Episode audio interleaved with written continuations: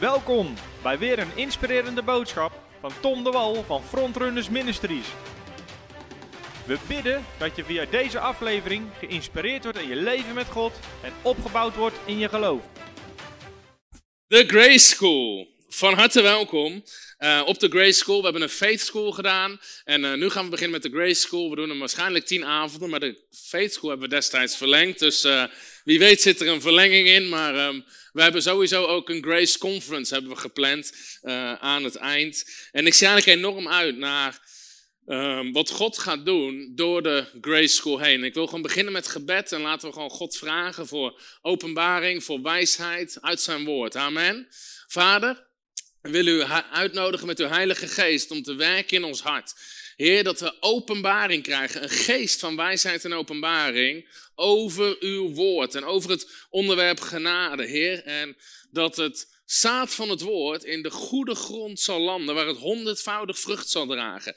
Iedere obstakel, iedere leugen die dat weerhoudt, bestraffen we in de naam van de Heer Jezus Christus. En we bidden voor helderheid, helderheid in onze geesten, om te ontvangen wat u voor ons wil zeggen. Heer, Misschien zijn het dingen die we al vaker gehoord hebben, maar laat het opnieuw binnenkomen. Laat het dieper binnenkomen. Laat het dieper binnendringen dan het eerder binnengedrongen is. Heer, dat iedere religie, ongeloof, Heer, dat het daar geen ruimte zal krijgen, maar dat het dwars doorheen zal gaan. Uw woord is levend, uw woord is krachtig en het zal altijd doen waar u het voor zendt. In de naam van de Heer Jezus Christus. Amen. Halleluja. God is goed. Amen. Ik wil deze eerste les beginnen. We hebben de eerste les ook genoemd. Het gaat over het fundament wat we willen leggen, deze eerste les. En eigenlijk wilde ik beginnen. Ik had een les voorbereid over uh, de waarheid, over de wet en genade, wat heel belangrijk onderwijs is. Maar terwijl ik dat onderwijs aan het maken was, ervoer ik eigenlijk in mijn geest dat we eerst een stap terug moesten doen. En eerst gewoon echt een goed fundament moeten neerleggen. En hoeveel weten dat het belangrijkste om verder te bouwen is het fundament? Amen. Er zijn zelfs opwekkingen geweest in het verleden waar mensen machtig aan werden geraakt door de Heilige Geest. Over heel de wereld werden uitgezonden voor het evangelie om zendingswerk te doen, maar na een aantal jaren stopten al die dingen weer. En iemand ging dat onderzoeken en die kwam erachter, wat miste nou? En het was het fundament. En als er geen fundament is, dan storten dingen weer in. Amen. Jezus leert ons ook daarom om te bouwen op het fundament. Amen. En sowieso um, is genade. Genade is eigenlijk het onderwijs van genade is eigenlijk, is eigenlijk het fundament in je leven. Als je geen fundament van genade hebt, dan is de kans groot dat heel veel andere dingen en heel veel andere thema's uit het woord van God verkeerd in je leven landen. Als het niet landt in genade. En we staan natuurlijk met frontrunners staan we bekend uh, om geloofsonderwijs. En we hebben de Faith School en heel veel boeken over geloof en, en genezing en al die dingen meer. Maar ook daar zien we keer op keer dat geloofsonderwijs verkeerd landt bij mensen die geen openbaring hebben van genade. Ga ik nog een keer zeggen. Mensen die geen openbaring hebben van genade, als dat niet het fundament is in hun leven, dan kan ook geloofsonderwijs totaal verkeerd landen. Dat ligt niet aan de boodschap, dat ligt aan het fundament wat er niet is. Amen. En ik ga je bijvoorbeeld een paar voorbeelden geven. En waarom genade belangrijk is. Kijk, geloof heeft te maken ook met hoe je van God ontvangt. Hè? Genezing, zegen, al die dingen meer. Maar als je geen fundament van genade hebt, dan zal je altijd twijfelen aan de goedheid van God. En als jij twijfelt aan de goedheid van God, dan is God echt goed. Is die echt goed, goed, goed, goed, nog beter dan je denkt. Weet je, God is zo goed, je kan niet eens over hem opscheppen. Want je zit er altijd onder. Amen. God is zo gigantisch goed. Maar als dat geen fundament is in je leven, als je twijfelt aan de goedheid van God, dan is het logisch dat je moeite hebt met genezing. Is het logisch dat je moeite hebt met de zegen van God. Want je twijfelt, is God echt goed? Is God echt te vertrouwen? Dus als je een openbaring hebt van de goedheid van God, ik vind het bijzonder dat mensen, hè, mensen hebben verwijt, ja, maar jij gelooft dat God iedereen wil genezen. Ik vind het heel bijzonder als mensen dat niet geloven. Dan denk je, hoe kan je nou geloven dat een goede vader zijn kinderen niet altijd wil genezen? Vind ik een hele rare gedachtegang. Maar het komt uit de goedheid van God. Maar als je twijfelt aan de goedheid van God, dan, dan zie je dus dat dat soort thema's verkeerd kunnen landen. Um, wat kan je nog meer zien als mensen geen fundament hebben van genade? Dat ze de dingen die God wil geven gaan proberen te verdienen. Dat we met onze eigen prestaties komen. In plaats van gewoon ontvangen van het volbrachte werk van Christus. Gewoon in de rust geloof heb ik ook over gesproken over de Faith School. Geloof komt voort uit een rust. Wij die geloven zijn de rust binnengegaan. Echt geloof is gebaseerd op rust. Maar dat kan je alleen doen als je gewoon staat in het volbrachte werk van Jezus Christus. Maar hoe vaak proberen mensen niet te verdienen? En als ze niet oppast, gaan ze ook hun geloof inzetten op die manier. Oh, als ik maar vaak genoeg proclameer. Als ik maar... En ten diepste ben je dingen aan het verdienen. Snap je wat ik zeg? En hoe vaak hoor je dit niet? Ja, waarom heeft God die en die niet genezen die er zal 20 jaar kosten of 10 jaar aanbiddingslijf? Die heeft zoveel. En wat ben je aan het doen? Je bent gewoon met je goede werk aan het komen. Je denkt dat God iets gaat doen omdat jij het verdient, omdat je dit of dat doet. Dus hoe snel we soms niet terug kunnen gaan naar verdienen. En wat je heel vaak ziet, als, als er geen fundament is van genade, is als mensen niet direct het gewenste resultaat zien in hun leven, ze zijn teleurgesteld, ze voelen zich veroordeeld, ze denken dat ze iets fout hebben gedaan, omdat er geen fundament is van genade. Gewoon dat je weet, God vangt ons in zijn genade altijd op. En dan zie je dat heel vaak mensen teleurstelling, al die dingen. Ik kreeg vorige week een mooie brief, had iemand gestuurd, lag op mijn bureau, van uh, iemand die genezen was. Bijzonder verhaal. Maar die vrouw was eerst naar een genezingsdienst gekomen, twee jaar daarvoor. En ze had enorm last van de heup, kon de heup slecht bewegen.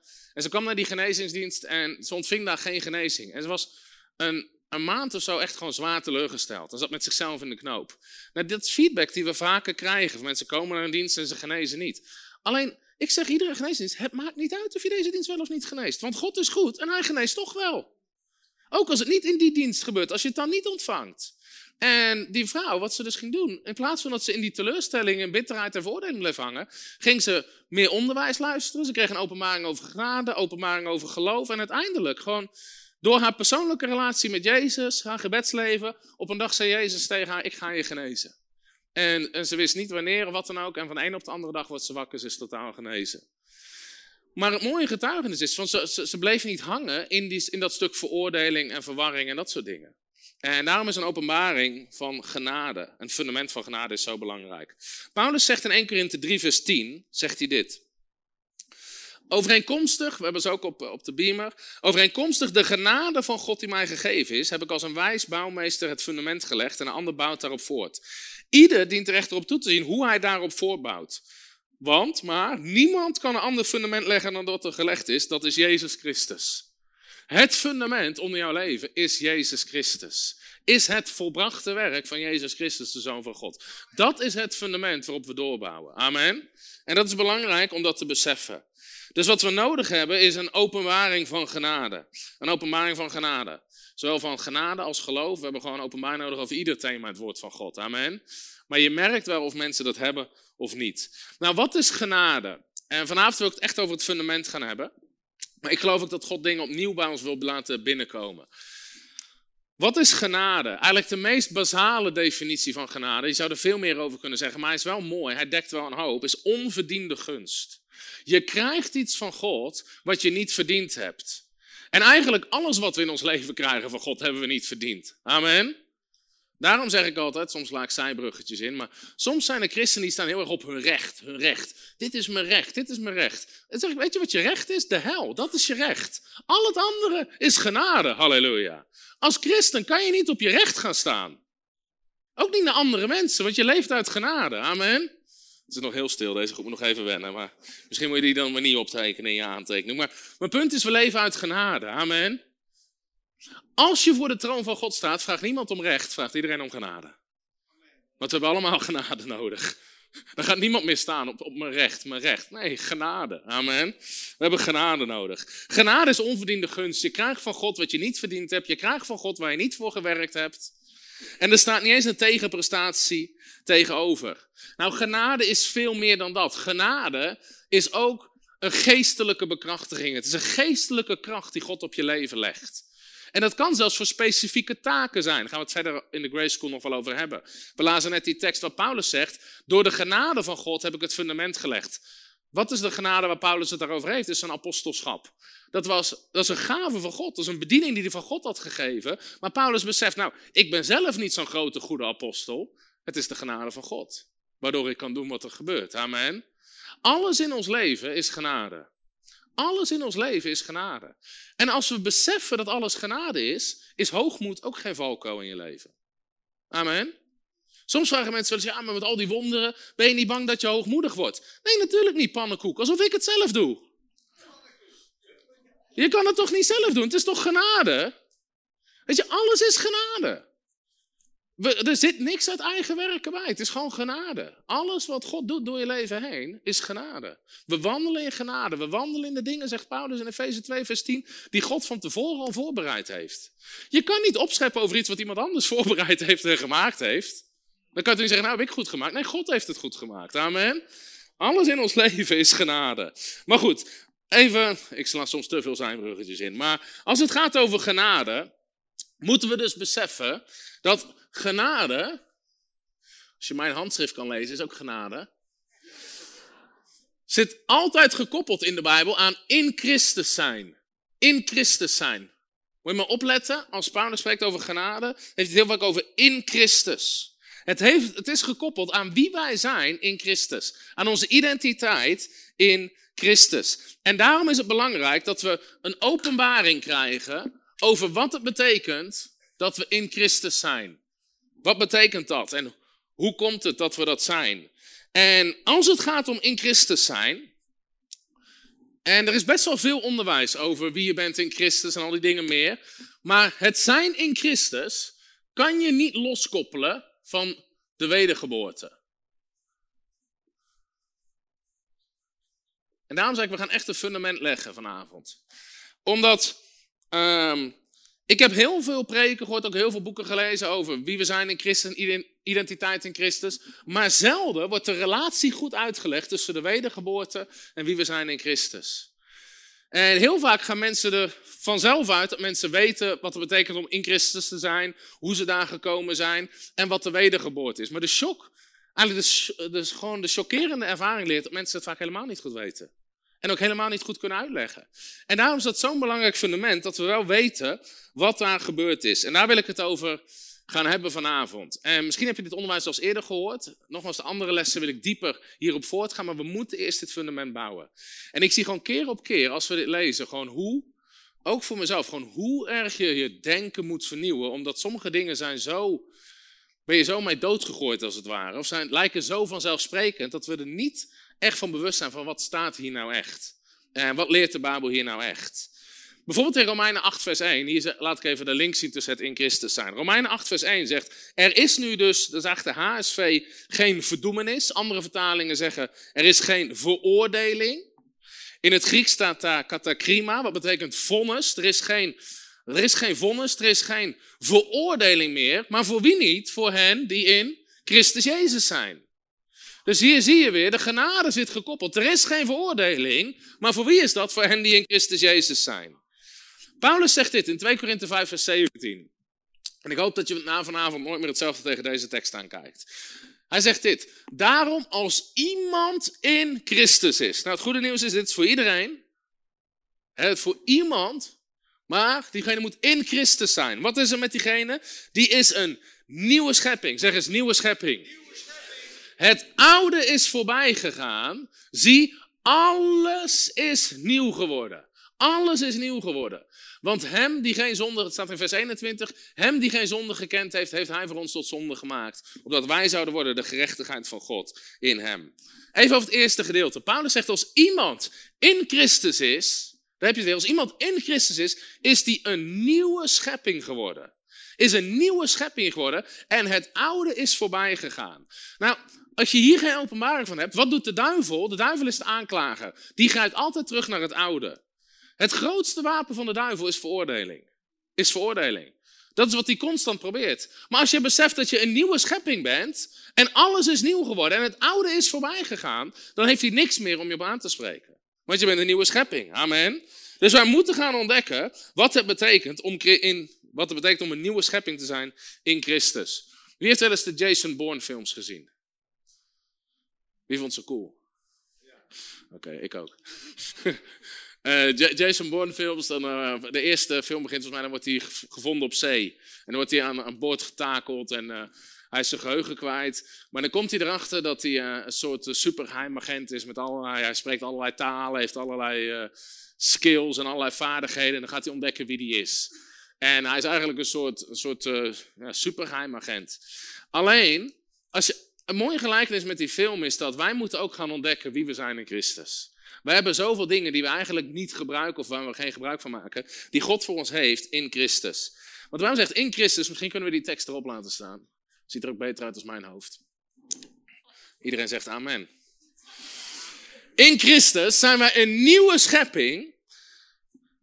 In andere woorden, God heeft iets totaal nieuws gecreëerd in Christus. God heeft in Christus iets gecreëerd wat er daarvoor niet was. Er staat niet, in Christus zijn wij een opnieuwe schepping.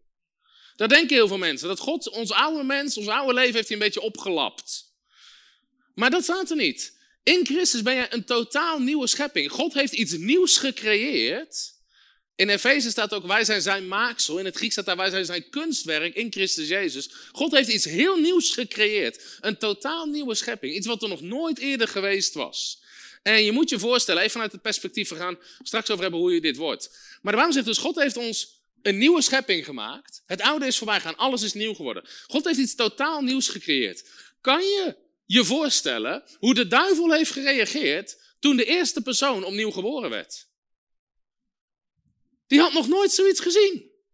Het enige wat hij kende waren zondige mensen waar hij aanspraak op maakte. Maar toen stond daar in één keer een nieuwe schepping. Iemand was wedergeboorte. Er was iets totaal nieuws. Het oude is voorbij gegaan. En die nieuwe schepping droeg de gerechtigheid van God.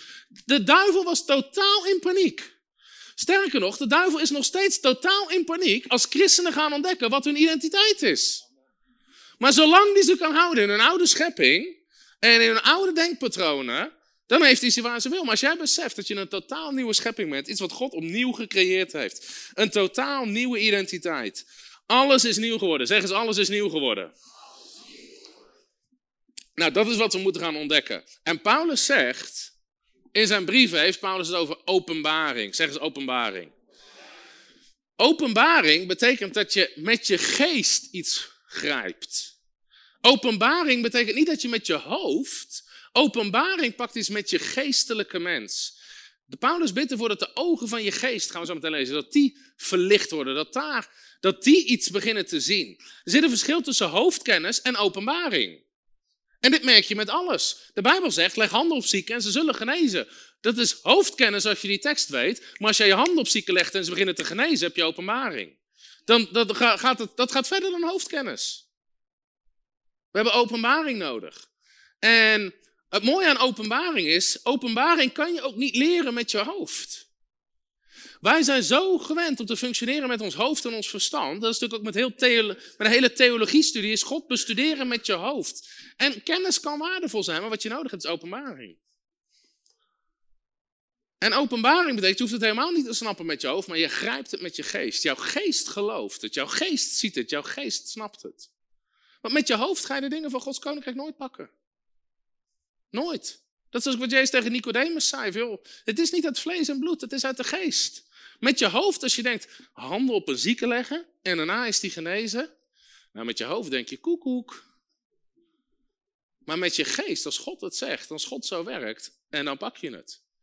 En vaak, als we te veel in ons hoofd zitten, vinden we het heel moeilijk om dat te pakken. Het is grappig dat Jezus juist over, uh, volgens mij staat dat in, uh, in Lucas 10, daar zegt Jezus bijvoorbeeld over genezing en bevrijding zegt hij, Vader, ik dank u dat u deze dingen voor wijze en verstandigen verborgen hebt. In andere woorden, mensen denken dat ze wijs zijn en met, met hun verstand, daarvoor zijn de dingen van het koninkrijk verborgen. Maar, zegt hij, u heeft zijn jonge kinderen geopenbaard. Het is grappig hoe makkelijk kinderen ook bijvoorbeeld genezing ontvangen. Ik weet niet of je genezingsdiensten ziet die ik doe. Een van de eerste dingen die ik doe is vaak, ik bid voor de kinderen. De een na het andere kind. Boom, geneest, geneest, geneest, geneest. Kinderen zitten niet met al die verstandelijke redenaties. Ze zijn er helemaal niet over aan het nadenken. Ze zeggen gewoon, oké, prima. Maar als we het met ons verstand, dan missen we het. Zeg eens tegen je buurman of je buurvrouw, met je verstand mis je het koninkrijk van God. Met je verstand mis je het beloofde land. Heel goed. Oké. Heel veel dingen noemt Paulus, het Nieuwe Testament noemt dus ook een mysterie. Een verborgenheid. Colossense 1, vers 26, ik heb hem even uit het boekvertaling, daar staat dit. En dit gaat over wie we zijn in Christus en onze identiteit in Christus en wat God in Christus heeft gedaan. Daar staat er dit. Dat heeft God door de eeuwen heen verborgen gehouden. Verborgen gehouden. In andere woorden, God heeft deze waarheid verborgen. Heel veel dingen waren nog niet openbaar in het Oude Testament. God, God, heeft het verborgen. Maar hij heeft het nu bekendgemaakt en hen die hem liefhebben en voor hem willen leven. Hij wilde dat zij zouden weten wat een rijk en prachtig geheim hij voor alle volken heeft. En dit is dat geheim, Christus in u. Dat Christus in u leeft. Anders zegt Christus in u de hoop op heerlijkheid. Het feit dat Christus zelf, Jezus Christus zelf in jou woont. Dat kan je niet met je verstand pakken. Dat kan je niet met je verstand pakken. Maar wel met openbaring. Christus zelf woont in me. Christ, dan ga je heel anders tegen dingen aankijken. Daarom zeg ik ook, weet je, bidden is niet van in de naam van Jezus. Als jij zegt in mijn naam, zegt hij namens mij. Waarom? Christus woont in jou. In mijn naam zullen ze handen op zieken leggen. Dat betekent niet dat je per se moet zeggen, het is goed, in Jezus' naam. Maar als jij handen op zieken legt, is het alsof Jezus handen op zieken legt. Christus in jou. Het is Christus, zeg eens, het is Christus in mij. En soms zeggen mensen, wie denk je wel niet dat je bent? Het gaat niet om wie jij denkt dat jij bent. Het gaat om wie je denkt dat Christus in jou is. Daar gaat het om. Christus leeft in jou, halleluja. Man, als je dit pakt, sta je al te dansen op je stoel. Amen. Christus leeft in mij. Halleluja. Halleluja. Daarom zeg ik, ik snap ook niet dat christenen depressief kunnen zijn. Want wij zeggen, we zijn opgewekt met Christus. Halleluja. Iedere christen is opgewekt. Halleluja. Nou, het koninkrijk van God. We hebben dus openbaring nodig. Openbaring nodig. Nou, Paulus Paulus is bijzonder, want Paulus was niet een van Jezus' van twaalf oorspronkelijke discipelen, maar Paulus had de allerdiepste openbaring over identiteit in Christus. Paulus had de allerdiepste openbaring over wie je bent in Christus. Zelfs Petrus zegt over wat Paulus schrijft, sommige dingen die de broeder Paulus schrijft zijn moeilijk te begrijpen, zegt Petrus.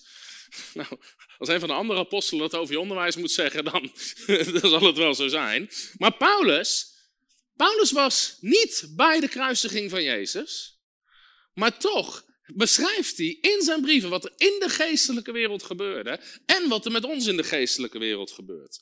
Dus ik heb zo meteen even een, eh, een, eh, een tabelletje. Maar als je de vier evangelieën leest, Matthäus, Marcus, Lucas en Johannes, dan is dat eigenlijk, je zou eigenlijk kunnen zeggen, dat is een film van het leven van Jezus. Het is alsof je gewoon je leest hoe het leven van Jezus zich afspeelt en je leest over de kruisiging en de opstanding en de vrouwen die we als eerste zien. Maar je leest niet wat er in de geestelijke wereld gebeurt. Maar dan komt het boek Handelingen. Ik heb hem hier even Handelingen. Dus de vier evangeliën, even onder, vertellen het evangelie. Er zijn een soort film van het evangelie. En ze beschrijven wat de omstanders en getuigen zagen over het leven van Jezus. Dan komt het boek Handelingen. Na de evangelie. Wat doet het boek Handelingen? Het demonstreert het evangelie. Het boek Handelingen laat zien hoe het evangelie eruit wordt te zien in jouw en mijn dagelijkse leven. Amen. Het boek Handelingen is normaal christendom. Maar goed, daar gaan we nu niet over preken. Het is eigenlijk een reality-serie. Vandaag heb je allerlei van die reality-series en heel Holland bak lucht. Maar het boek Handelingen is eigenlijk een soort reality-serie. Dit is de realiteit van het evangelie. En het beschrijft wat de omstanders en de getuigen en de apostelen gewoon meemaakten in hun dagelijks leven. Maar na het boek Handelingen, je zou kunnen zeggen, dat is een soort uh, reality-serie. Maar na het boek Handelingen komen de brieven van Paulus. En die verklaren het evangelie. En Paulus zijn brieven kan je beschrijven met een soort röntgenfoto. Paulus vertelt dingen die je niet met je blote ogen kan zien. Paulus beschrijft wat er in de geestelijke wereld gebeurde toen Jezus Christus stierf en wat er met ons gebeurde. Het was eigenlijk een beschrijving van wat God zag en wat Jezus heeft gedaan voor ons. En Paulus, de belangrijkste woorden bijna die Paulus gebruikt in zijn brieven, hij gebruikt meer dan honderd keer de term in Christus. Je moet eens bijvoorbeeld Efeze lezen. En alleen maar in Christus, of in Hem, of door Christus. Gewoon aankruisen. En dan kom je erachter, Paulus heeft het alleen maar over wie we zijn in Christus, wie we zijn in Hem, wie we zijn in Christus Jezus. Paulus had een openbaring over wie we zijn in Christus. En we Galaten 2 eens even lezen. Paulus had, Galaten 2 vers 20. Paulus had een unieke openbaring over het feit dat de gelovige een nieuwe identiteit had ontvangen. En sterker nog, Paulus zegt en deze tekst gaan we zo meteen lezen. Paulus zegt, de gelovige heeft de identiteit ontvangen van Christus. Van Christus. Omdat jij in Christus bent, heb je de identiteit ontvangen van Christus. Jij hebt de identiteit ontvangen van Christus. Paulus zag zichzelf, en let op, Paulus was niet bij de kruisiging, maar Paulus zag zichzelf in Christus. Wat betekent in Christus? Eén met Christus. Paulus zag zichzelf als één met Christus. Nou, en eigenlijk genade kan je niet uitleggen zonder dit. Kijk, let op. Paulus was niet bij de kruisiging. Heeft niet bij Jezus in het graf gelegen. Maar Paulus zegt dit. Ik ben met Christus gekruisigd. Niet meer ik leef, maar Christus leeft in mij. En voor zover ik nu in het vlees leef, leef ik door het geloof in de Zoon van God, die mij heeft liefgehad en zichzelf voor mij heeft overgegeven. Paulus zag zichzelf als één met Christus. Hij zegt, ik ben met Christus gekruisigd. Ik ben met Christus gekruisigd. En niet meer ik leef, zegt hij, maar Christus leeft in mij. Paulus zag zichzelf als één met Christus. Maar als we dit gaan ontdekken, wat dit betekent, hebben we totaal geen moeite meer met heel veel dingen waar mensen nu moeite mee hebben. Als jij jezelf gaat zien als één met Christus, als gestorven met Christus, als opgestaan met Christus, Christus leeft in jou. Ik weet niet of je, wie kent John G. Lake? Had een machtige geneesbediening. Als je zijn boeken leest, waar had John G. Lake een openbaring over? Over wie die was in Christus. Over wie die was in Christus. Gewoon wanneer de meest dodelijke pest rondging en iedereen stierf, zei hij, leg dat virus maar op, op mijn hand en het stierf op zijn hand. Waarom? Hij zegt, Christus leeft in mij. Mensen genazen aan de lopende band. Waarom? Hij zegt, Christus leeft in mij. Hij had zo'n openbaring over wie die was in Christus. Daar kwam zijn gezag over ziekte, zijn gezag over de duivel, want hij zag zichzelf als één met Christus. Als wij gaan beseffen wie we zijn in Christus, dan zouden mensen het veel makkelijker vinden om in geloof te wandelen en, en om niet onder voordeling te leven. Maar Paulus had openbaring. Het bijzondere was, Paulus had niet bij een bijbelschool gezeten. Paulus had openbaring. Hij zegt dat in Galaten 1 vers 12. Hij zegt over het evangelie, hij zegt daar, ik heb dat niet van een mens ontvangen of geleerd, maar door openbaring van Jezus Christus. Door openbaring van Jezus Christus. Zie je dat? Paulus had openbaring van Jezus zelf gekregen over het evangelie. En Paulus bidt dat wij dat ook krijgen. En dat gebed gaan we even lezen in Efeze hoofdstuk 1 vanaf vers 15. Misschien ken je het, maar het is goed om dit vaak te lezen. Efeze 1 vanaf vers 15. En ik bid dit gebed bijna dagelijks. Ik hoorde ooit van andere prediker die zei: Ik bid dit gebed iedere dag. En ik ben dat ook gaan doen. Omdat Paulus bidt voor openbaring. En mijn leven, kan ik echt zeggen, is veranderd hierdoor. Als we God iedere dag vragen om openbaring, om ons te leren, om ons te onderwijzen over wie we zijn, op een gegeven moment begint die openbaring begint gewoon te stromen. Paulus zegt dit in Efeze 1 vanaf vers 15. Daarom, omdat ook ik gehoord heb van het geloof in de Heer Jezus Christus onder u, en uw liefde en van de liefde voor alle heiligen, houd ik niet op voor u te danken als ik, aan, als ik in mijn gebeden aan u denk. Opdat de God van onze Heer Jezus Christus, de Vader van de heerlijkheid, u de geest van wijsheid en openbaring geeft in het kennen van Hem, in het kennen van Christus. Paulus bidt voor een geest, de Heilige Geest, is een geest, is een geest van wijsheid en openbaring. Hij bidt voor de Heilige Geest van wijsheid en openbaring. Namelijk, legt hij uit, verlicht de ogen van uw verstand. Een beetje ongelukkig vertaald, in het Grieks staat daar het woord hart. Hij bidt dat je hart, en dat spreekt over je geestelijke mens, dat daar licht op schijnt. Waar licht staat voor openbaring. Als ergens licht op schijnt, kan je goed zien. Amen. Als het donker is en je zet ergens een zaklamp op, boem, in één keer is er licht. In één keer, heb je, in één keer zie je iets. Paulus zegt, ik bid dat je ogen van je hart verlicht gaan worden, dat je openbaring krijgt. Waarvoor? Waarvoor bidt hij? Nummer één, om te weten wat de hoop van zijn roeping is. Hij bidt dat mensen gaan zien wat de hoop is van de roeping van Christus Jezus. Waarvoor Jezus echt gekomen is. Waarvoor was Jezus geroepen om te brengen? En, waar bidt hij nog meer voor? Nummer twee, de hoop van zijn roeping. Nummer twee, wat de rijkdom is van de heerlijkheid van zijn erfenis in de heilige. Zeg eens, in de heilige. Hier zie je weer in de heilige. Het is, weet je, het is in ons geplaatst. Paulus zegt, ik bid dat je gaat zien wat de rijkdom is van de heerlijkheid van zijn erfenis. Er is een gigantische rijke erfenis. Een gigantische rijke erfenis. En die is in jou geplaatst. Zeg eens, die is in mij geplaatst. Dus je hebt openbaring nodig om te zien wat is er in jou geplaatst. En dan zegt hij dit. En wat de alles overtreffende grootheid van zijn kracht is aan ons die geloven. De zeg eens alles overtreffend. Er is een alles overtreffende grootheid van kracht gegeven aan ons die geloven. Hoe groot is die kracht? Zegt hij overeenkomstig, net zo groot als de werking van de sterkte van zijn macht, die hij gewerkt heeft in Christus Jezus, toen hem uit de doden opwekte en aan zijn rechterhand zet in de hemelse gewesten. Zo, dezelfde kracht die Jezus Christus uit de dood deed opstaan, is nu gegeven aan de gelovigen. En hij heeft Jezus ver boven alle overheid en macht en kracht en heerschappij gezet. En elke naam die genoemd wordt. Niet alleen in deze wereld, maar ook in de komende. En hij heeft alle dingen aan zijn voeten onderworpen. En hij heeft hem als hoofd over alle dingen gegeven aan de gemeente. Die zijn lichaam is in de vervulling van hem die alles in alle vervult. Er is een alles overtreffende grootheid van kracht gegeven. Een gigantisch rijk erfenis, een gigantische roeping. En die is gegeven aan de gelovigen aan de gemeente. Dat zijn wij. Wij zijn zijn lichaam. Wij zijn nog hier op aarde. Maar Paulus bidt dus voor openbaring. En ik wil het vanavond vooral gaan hebben over dat stukje wat Paulus zegt. Ik bid dat je zult zien wat de, uh, zijn erfenis is in de heilige. Nou, er is een erfenis. Zeg eens erfenis. Wij moeten weten wat is onze erfenis en hoe krijgen we die. En dit, misschien denk je nu, wat heeft dit allemaal te maken met genade? Maar daar komen we op. Nou, stel je voor dat jij nu jouw telefoon gaat. Ik hoop dat je hem uit hebt gezet. Maar stel je voor je telefoon gaat. Ik zie mensen meteen kijken. En een notaris belt jou. Een notaris uit Amsterdam. En die zegt: Hallo, meneer, mevrouw. Ben, spreek ik met die en die? Ja, daar spreek ik mee. Oké, nou, kent u die en die? Nee, nooit van gehoord. Oké, nou, dat is een achter, achter, achteroom van u.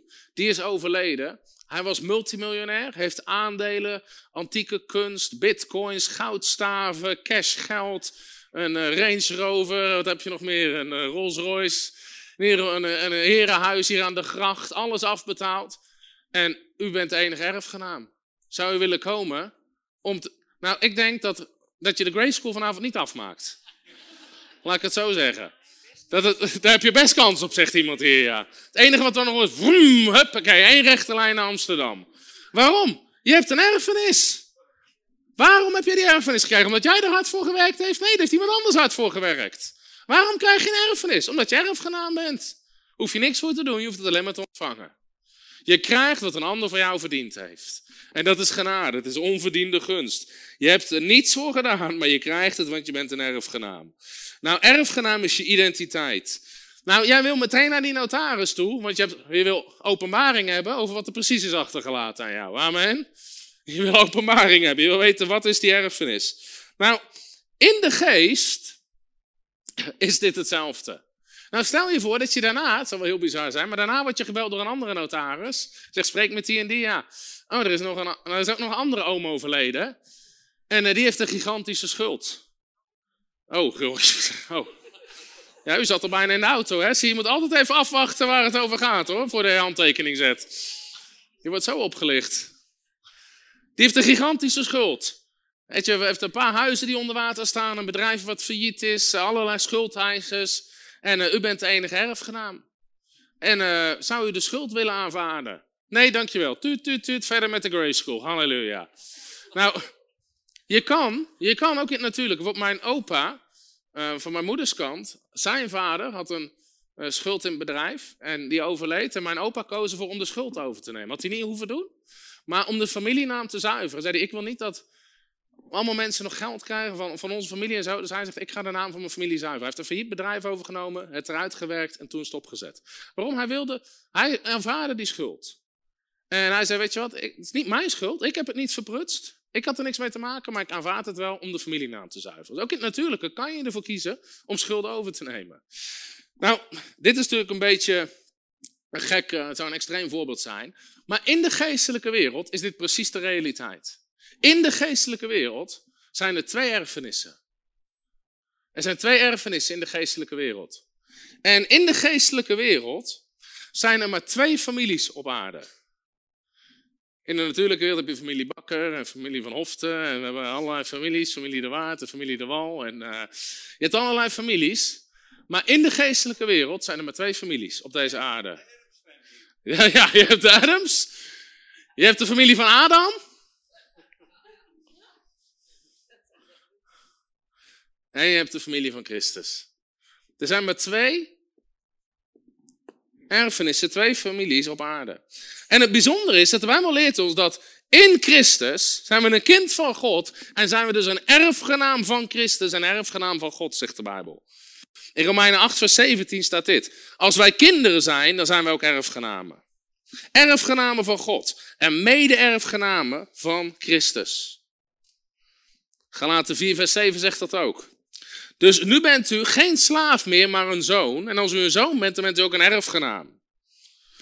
Nou, iedereen die wedergeboren is, is in Christus en is de familie van Christus. En is de erfenis van Christus, wat Jezus heeft nagelaten aan jou door zijn dood, is jouw deel. Maar als je niet in Christus bent, dan hoor je bij de Adams. Familie Adams. Dan ben je in Adam.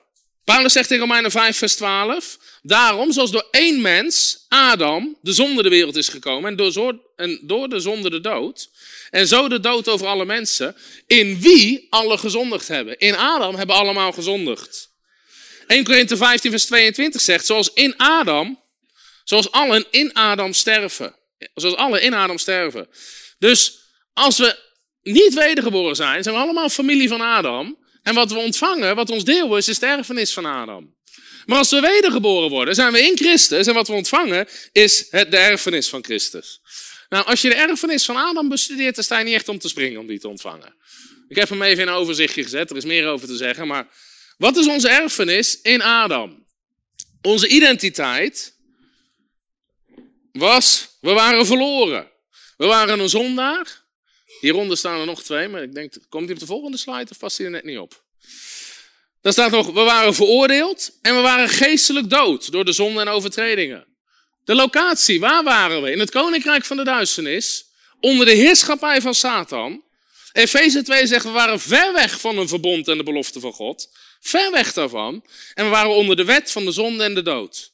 En wat hadden we? We hadden schuld, we hadden geen hoop. Bijbel zegt, we hadden geen heerlijkheid, geen nabijheid van God. En we waren onder de vloek. Nou, dit is onze oude mens en dit is de oude schepping. Zeg eens oude schepping. Dit was eigenlijk de eerste schepping waar we over lezen. De krachteloze mens, de eerste schepping. En omdat ze niet Gods plan volgden.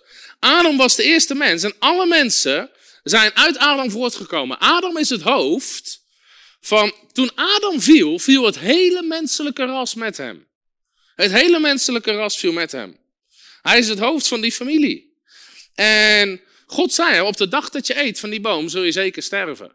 Nou, Adam viel niet dood neer, maar wat was zijn erfenis? Was geestelijke dood. Zonde, schuld, schaamte, al die dingen meer. De vloek, ziekte, was allemaal onderdeel van de erfenis die door de zonde de wereld in kwam. En ze gingen van eeuwig leven, heilig, smetteloos, rechtvaardig, naar geestelijk dood, zondig en onrechtvaardig.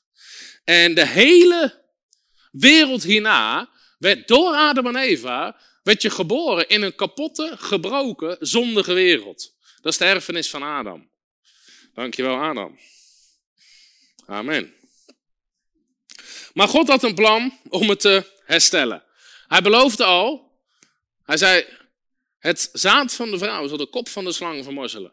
God profeteerde al dat Christus zou komen. En daarom wordt Jezus in de Bijbel genoemd, ook wel de laatste Adam. 1 Korinthe 15, vers 45 staat dit. De eerste mens, Adam, werd een levend aards wezen, maar de laatste Adam, gaat over Jezus, werd een levendmakende geest. In Romeinen 5, vers 14 zegt de Bijbel ook dit. De dood heeft geregeerd van Adam tot Mozes toe, ook over hen die niet gezondigd hadden met dezelfde overtreding als Adam, die een voorbeeld is van hem die komen zou. Nou, dan zou je zeggen, ja, een voorbeeld. Nou, in het Grieks betekent dat uh, een, uh, een vorm, er zit een gelijkenis in. Het verwijst naar. Hij is geen positief voorbeeld van Jezus, maar hij verwijst naar. Adam is het hoofd van de verloren mensheid, maar Jezus Christus is het hoofd van de geredde mensheid. En als je niet wedergeboren bent, ben je in Adam. Als je wedergeboren bent, ben je in Christus. Nou, Zowel Christus als Adam zijn niet meer op aarde, maar je kan wel een erfenis ontvangen.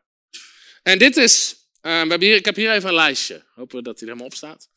Even kijken. Voor de volgende keer kunnen we ze iets dikker gedrukt doen. Adam.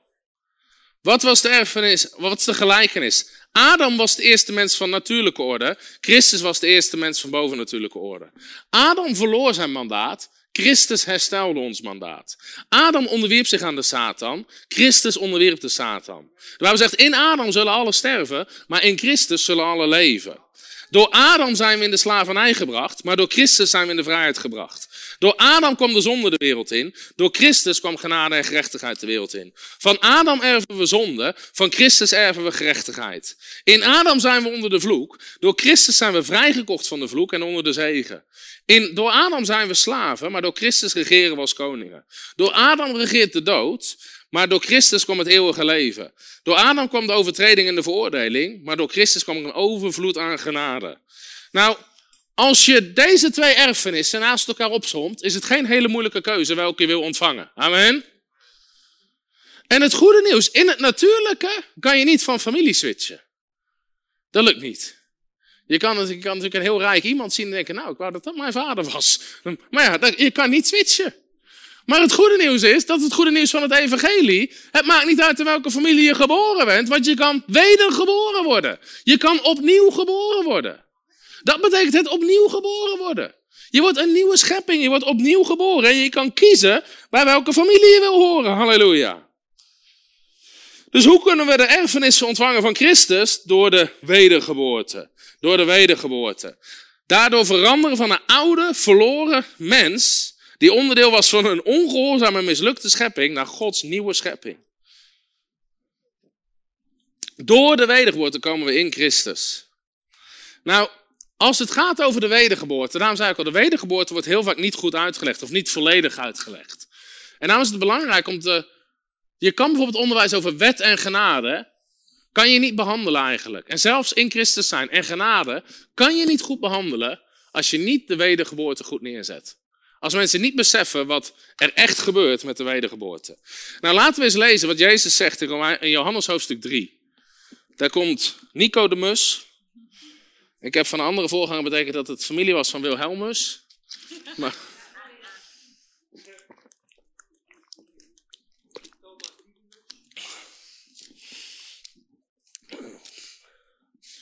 Zijn de mussen ook familie van de kwartels?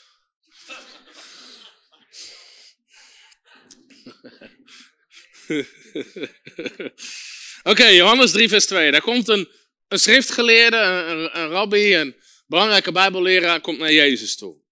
En die zegt, wij weten dat u van God gekomen bent als leraar, want niemand kan deze tekenen doen die u doet als God niet met hem is. Jezus antwoordde en zei tegen hem, voorwaar, voorwaar, ik zeg u, als iemand niet opnieuw geboren wordt, kan hij het koninkrijk van God niet zien. Jezus zegt, joh, je ziet de uiterlijke tekenen, maar je ziet niet het koninkrijk wat erachter zit. Maar Jezus zegt, als iemand niet opnieuw geboren wordt, kan hij het koninkrijk van God niet zien. Nou, Nicodemus, met al zijn wijsheid en al zijn theologie, snapt hier geen reet van. Die zegt tegen Jezus, hoe kan een mens geboren worden als hij oud is? Hij kan toch niet de tweede keer de buik van zijn moeder ingaan en geboren worden? Jezus antwoordde, zei, voorwaar, voorwaar, ik zeg u, als iemand niet geboren wordt uit water en geest, dus Jezus legt uit, het gaat hier niet over geboren worden opnieuw uit je moeder, het gaat niet over een vleeselijke geboorte, je moet geboren worden uit water en geest, anders kan hij het koninkrijk van God niet binnengaan. Want wat uit het vlees geboren is, is vlees, en wat uit de geest geboren is, is geest. Nou, dit is heel belangrijk. En ik wil het gaan hebben over de wedergeboorte. En heel vaak als je zegt, ja, de wedergeboorte, dat snappen we wel. Maar er is veel meer vaak over de wedergeboorte te zeggen dan tot nu toe gedaan is. En uh, om de wedergeboorte goed te begrijpen, en ik wil je waarschuwen, en misschien ken je dit onderwijs, maar anders um, kan het voor mensen best wel shocking zijn. Als ze horen wat de Bijbel echt onderwijst over de wedergeboorte. Toen ik dit ook ontdekte, en ik heb hier ook over geschreven in Supermans en mijn boekje over de waterdoop. In het begin was ik gewoon van slag. Dat ik dacht van, hoe komt het dat mensen dit niet onderwijzen? Want de Bijbel is er kraakhelder over. En wat we nou moeten begrijpen is, ik ga even drie, drie, drie eenheden uitleggen. Drie keer een drie eenheid. Want dan pas kan je goed begrijpen wat er gebeurt met de wedergeboorte. De Bijbel spreekt over drie verschillende drie eenheden. Ik ga dit even wegdoen. De eerste drie-eenheid, ga ik niet opschrijven, die spreekt voor zich. Dat is God. God als drie-eenheid, Vader, Zoon, Heilige Geest. We weten, het is alle drie God. Het is één God, maar je hebt God de Vader, God de Zoon en God de Heilige Geest. Dat is een drie-eenheid waar we wel bekend mee zijn. Daarnaast is de mens een drie-eenheid. Ik zal even een, uh, weer proberen met al mijn mooie tekenskills even een, een mooi poppetje te tekenen. Moet nog iemand specifiek tekenen?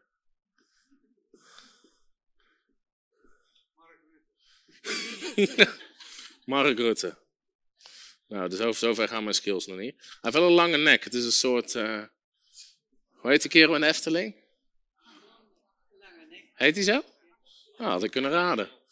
Lange nek, oké. nou. Hij is mooi, hè? Even zijn oortjes. Zo. Hij lijkt erop. Op wie? Oh, oké. Goed. Ik dacht dat hij ging zeggen op Rutte, maar dat, dat, dat gunnen we hem ook weer niet. In ieder geval. De mens. De mens is ook een drie-eenheid. De mens is een drie-eenheid. De mens bestaat uit geest, ziel en lichaam. Geest, ziel en lichaam. Ik heb ook een mooi rood.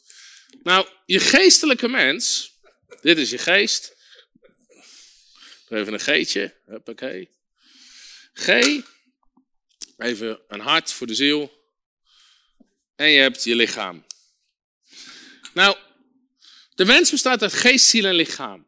En dit helpt voor mensen om te begrijpen hoe de, hoe de mens in elkaar zit. Hoewel bijvoorbeeld het. Kijk, het onderscheid tussen je geest en je ziel en je lichaam is makkelijk. Je lichaam is gewoon je aardpak. Heb je gewoon nodig om in te functioneren. Is gewoon jouw fysieke lichaam. Nou, daarnaast, de Bijbel zegt bijvoorbeeld in 1 Thessalonicense 5, vers 23. Spreekt over de geest, de ziel en het lichaam. Nou, daarnaast Kijk, God formeerde het lichaam, zegt de Bijbel in Genesis, maar dat lichaam deed nog niks. Pas toen God zijn levensadem in de mens blies, werd de mens tot een levende geest.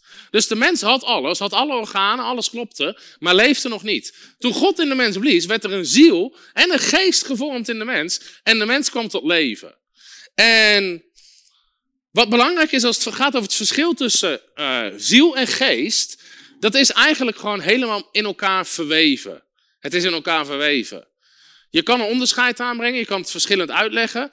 Maar de Bijbel spreekt ook dat het woord van God is levend en krachtig. En maakt onderscheid tussen, door tot opscheiding van ziel en geest, van gewrichten en merg. Nou, iemand die botchirurg is, die kan je uitleggen dat het is bijna niet aan te wijzen waar bot eindigt en merg begint. Dat loopt helemaal in elkaar over, dat zit in elkaar verweven. Hetzelfde is met je geest en je ziel. Dus wanneer mensen die te ver uit elkaar gaan trekken, dan, dan wordt het onderwijs te simplistisch. Maar het is wel goed om het te begrijpen. Als het gaat om je ziel, zou je kunnen omschrijven als je natuurlijke persoonlijkheid. Je natuurlijke persoonlijkheid. Wat zit er allemaal in je ziel? Dan kan je emoties, je verstand, je karakter, het gebrek aan karakter. Uh, dat zijn allemaal dingen die behoren bij je natuurlijke kant. Je, uh, je vaardigheden, je denken, al die dingen hebben te maken met je ziel. Maar je geest gaat over jouw geestelijke mens, over je geestelijke mens. Nou, wat we moeten begrijpen is dat ieder mens, um, ieder geestelijk mens, bestaat eeuwig, omdat je geest bent. Betekent niet dat je eeuwig leven hebt, maar ieder mens is eeuwig. Want jouw geest, jouw geest is geen natuurlijk iets. Dus iedereen leeft eeuwig. Er zit een verschil dat je de eeuwigheid bij God doorbrengt of niet, maar iedereen leeft eeuwig, want je bent een geestelijk wezen. Jij bent een geest je hebt een ziel en je woont in een lichaam. Maar je bent ten diepste een geestelijk wezen. Alleen wij zijn zo getraind vaak op ons lichaam en op ons verstand, dat mensen dat concept totaal kwijt zijn. Maar je bent ten diepste een geestelijk wezen. Nou, wat zegt de Bijbel over onze... Uh, is even belangrijk om te beseffen. De mens is een drie-eenheid, God is een drie-eenheid. Maar nu de wedergeboorte. De wedergeboorte, een gezonde wedergeboorte, is een drie-eenheid bestaat uit drie onderdelen. De wedergeboorte als drie eenheid. En heel vaak, dus als je zegt, als je mensen vraagt, ja, maar hoe word je wedergeboren? Zeggen mensen, ja, als je gelooft in Jezus. En het klopt, alleen het is te simpel gezegd. Het is, er is meer over te zeggen dan dat. Mensen zeggen, door gewoon te geloven in Jezus. Nou, laten we eens gaan naar handelingen hoofdstuk 2. Een gezonde en complete wedergeboorte bestaat namelijk uit drie dingen. Bekering, waterdoop en vervulling met de Heilige Geest.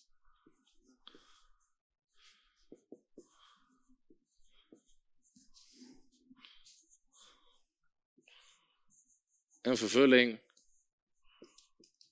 doe even met HG.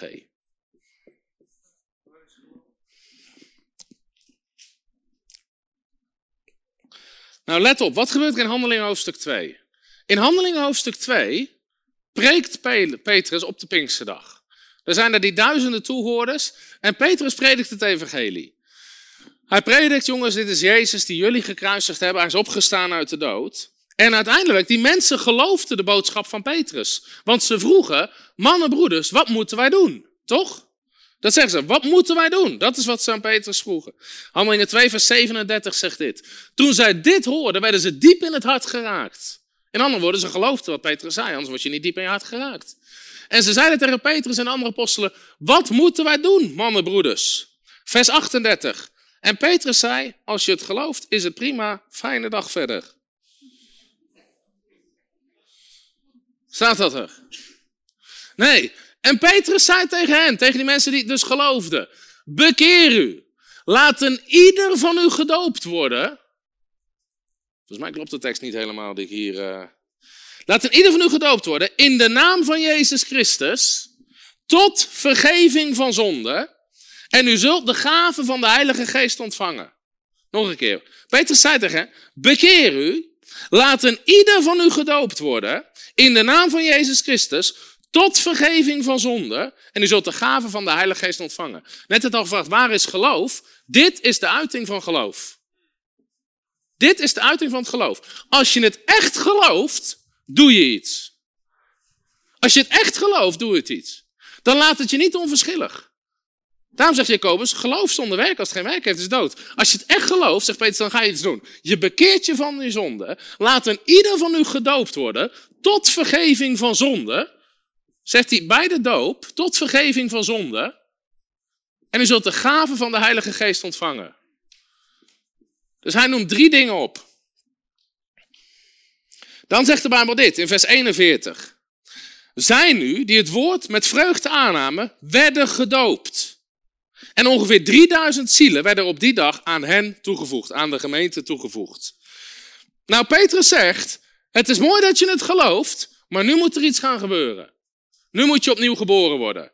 Johannes 1, vers 12 eh, zegt ook dit. Allen die hem aangenomen hebben, heeft hij de macht gegeven om kinderen van God te worden. Namelijk die in zijn naam geloven, die niet uit bloed, die niet uit de wil van vlees en ook niet uit de wil van een man, maar uit God geboren zijn. Die uit God geboren zijn. Zeggen ze uit God geboren. Jezus zegt, iedereen die hem aanneemt, die het evangelie aanneemt, krijgt de macht, krijgt de kans om uit God geboren te worden. Nou, dit is precies waarom onze geestelijke mens, voordat we tot Christus komen, voordat we wedergeboren worden, de Bijbel leert ons, die is dood in zonde en overtredingen. Die geestelijke mens is dood. Gaan we zo wel lezen. Die geestelijke mens is dood. Nou, wat zei Jezus tegen Nicodemus? Nog een keer naar Johannes 3, vers 3. Onze geestelijke mens, die moet dus opnieuw geboren worden en die moet in Christus komen. Die moet in Christus komen. Wat zei Jezus tegen, tegen Nicodemus? Ik zeg u, als iemand niet opnieuw geboren wordt, kan hij het koninkrijk van God niet zien. Vers 5. Jezus antwoordde dan: voor voorwaar, voorwaar ik zeg u, als iemand niet geboren wordt uit water en geest. Water, dat spreekt over het doopwater, ga ik zo meteen laten zien. Als iemand niet geboren wordt uit het doopwater en uit de geest, kan hij het koninkrijk van God niet binnengaan. Kan hij niet binnengaan. Nou, we moeten geboren worden uit water en geest. Waarom is dit zo belangrijk? Een gezonde Wedergeboorte bestaat uit drie onderdelen: bekering, waterdoop en vervulling met de Heilige Geest. Waarom is dit zo belangrijk? Omdat er vaak maar een half evangelie is gepreekt in de kerk. Wij zeggen ja, als je gelooft in Jezus is het goed. Als je gelooft in Jezus is het goed. Soms is het goed om na te denken van, wat prediken we eigenlijk? Zeg, ja, als je gelooft dat Jezus gekruisigd is. Er werden veel meer mensen in die tijd gekruisigd. Ik snap het verschil wat Jezus voor ons heeft gedaan. Maar hij zegt, nu moet er iets gebeuren. Bekering, waterdoop en vervulling met de Heilige Geest. Wat zie je vandaag de dag heel vaak? Mensen zeggen, ja, ik geloof wel, maar ik bekeer me niet echt van mijn zonde. Is dat echt geloof? Ja, nee, ja, ik geloof wel. Maar ja, ik, ja, weet je ook, ja, nee, ik heb me nog niet laten dopen. Of nee, ik ben niet vervuld met de Heilige Geest. Maar een gezonde wedergeboorte bestaat uit die drie onderdelen. Bekering, waterdoop. En ze hebben te maken met hoe je in Christus komt. En ik ga het je laten zien. Nou, bekering. Wat gebeurt er bij ons bekering? We keren ons af uiteraard van ons oude leven, van onze zonde. U die opnieuw geboren bent. Halleluja. Niet uit vergankelijk, maar uit onvergankelijk staat. Door het leven en eeuwig blijvende woord van God. Wat doe je met bekering? Met bekering, het woord van God wordt gezaaid in je hart en je keert je van je oude leven af. Je wil je afkeren van je oude leven. Je wil je afkeren van je zonde. Maar daarna zegt Paulus, bekering, waterdoop. Dus met bekering, je keert je van je oude leven af. Maar let op, wat ik nu ga zeggen is belangrijk. Je keert je van je oude leven af, maar er is nog geen nieuw leven. Je hebt je alleen ergens van afgekeerd, maar je bent nog nergens ingekomen. Snap je wat ik zeg? Je hebt je ergens van afgekeerd, maar je bent nog nergens opnieuw ingekomen. Waarvoor wat komt er daarna? De waterdoop. Door de doop word je één met Christus. Door de doop word je één met Christus.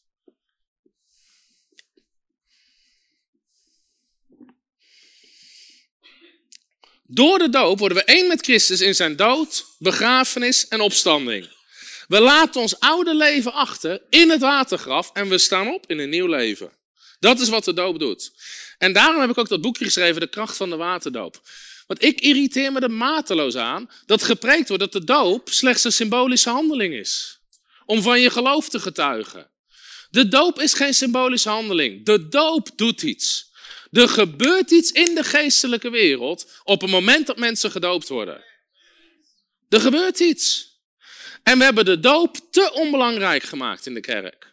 En omdat er allemaal meningsverschillen en allemaal, ja, maar het ligt gevoelig. Het maakt niet uit of het gevoelig ligt. Wat zegt het woord van God? Leg je gevoel aan de kant of wandelen door geloof. Amen. De waarheid van het woord van God boven gevoel, boven traditie, boven zo zijn we het gewend. Dan ben je maar even opnieuw. Amen. Maar de doop doet iets. De Bijbel zegt nergens dat de doop een symbool is of slechts een handeling om van je geloof te getuigen. Door de doop vindt er een geestelijke transformatie plaats. Nou, let op. Nu snap je waarom ik zeg dat de wedergeboorte. Waarom je kan niet spreken over wie je bent in Christus. Je kan niet spreken over genade als je niet spreekt over de wedergeboorte. Want Paulus zegt dit in Galaten 3, vers 27. U allen die door de doop één met Christus bent geworden hebt u met Christus omkleed. Hoe ben je één met Christus geworden? Door de doop. De doop is het moment, volgens de Bijbel, waarin je één met Christus wordt. Waar je in Christus komt. En daarna zegt hij dat we vervuld moeten worden met de Heilige Geest. Nou, ik ga zo meteen wat dieper in op de doop. Wat gebeurt er eigenlijk? Met je bekering keer je af van je oude leven. Hier is je oude leven. Je keert je ervan af. Met de doop sterf je met Christus in het, je laat je oude leven achter in het watergraf en je staat op in een nieuw leven. En met de vervulling in de Heilige Geest krijg je kracht voor je nieuwe leven. Dat is wat er gebeurt. Met je bekering keer je ervan af. Met je doop sta je op in een nieuw leven. En met de vervulling in de Heilige Geest krijg je kracht voor je nieuwe leven. Als één van die drie mist, mis je een essentieel onderdeel voor je wedergeboorte.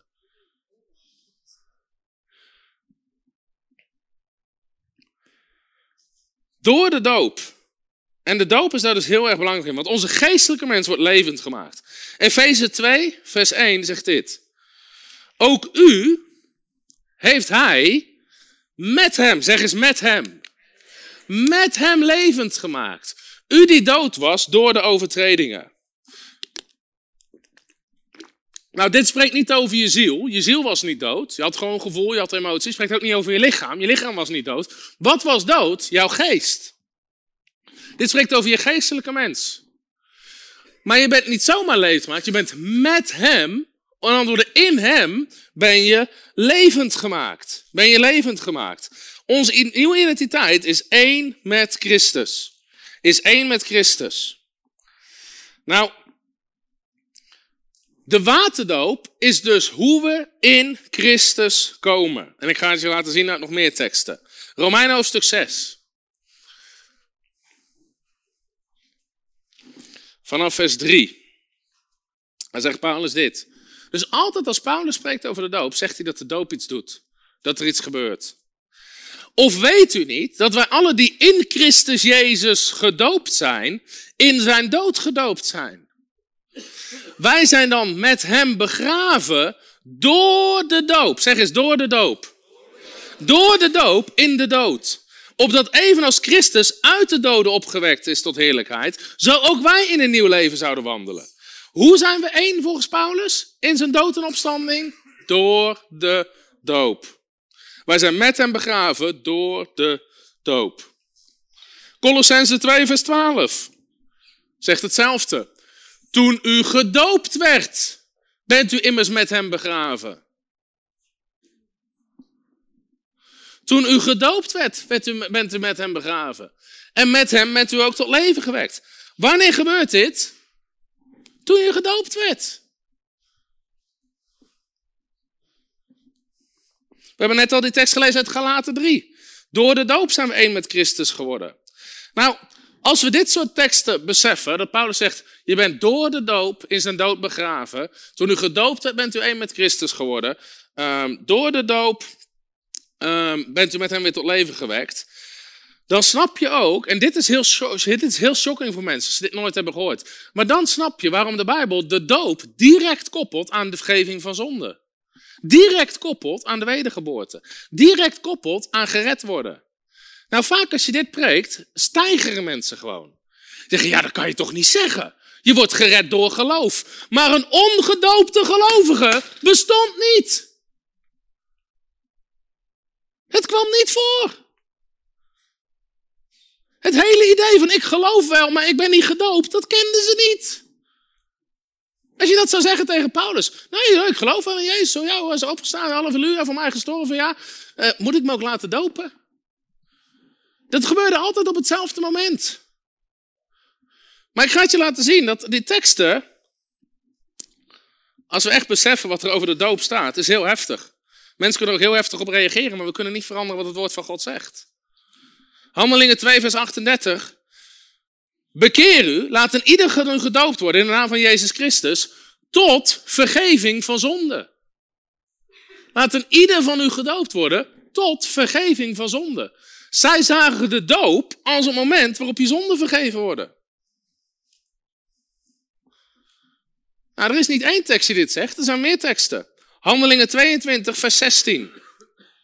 Dit zegt Ananias tegen Paulus. Nou, let op. Paulus had Jezus ontmoet. Hij zei, wie bent u, Heer? Ik ben Jezus die je volgt. Hoeveel geloven dat Paulus op dat moment in Jezus geloofde? ik denk het ook. Toen hij die lichtflits zag, blind was, op de grond lag, dacht hij, waar ben ik ook een hoen? Wie bent u, Heer? Ik ben Jezus jij volgt. Oh, was ik al bang voor. maar Paulus geloofde vanaf dat moment. Amen. De discipel Ananias komt bij hem. En die zegt dit tegen Paulus. En nu, waarom aarzelt u? Sta op, laat u dopen en uw zonde afwassen.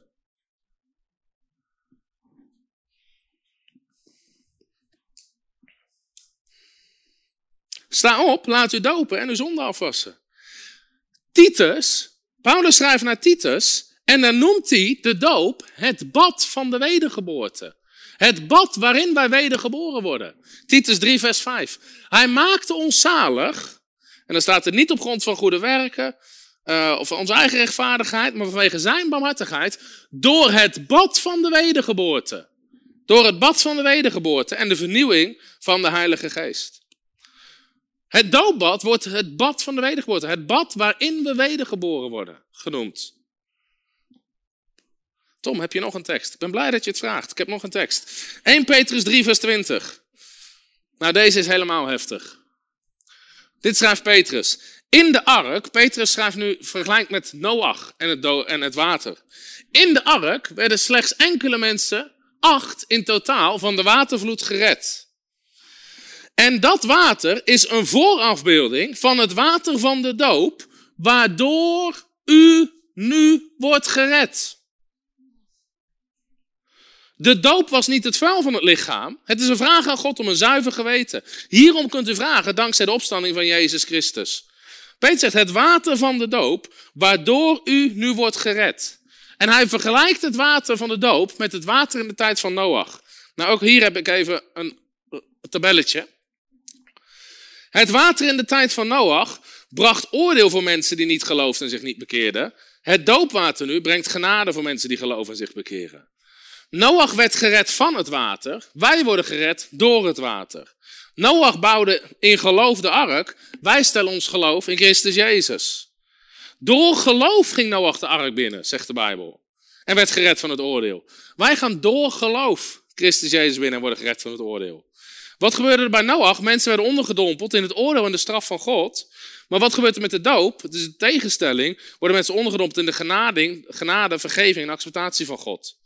Bij Noach, de oude wereld stierf in het water. Bij ons, de oude mens stierf in het water.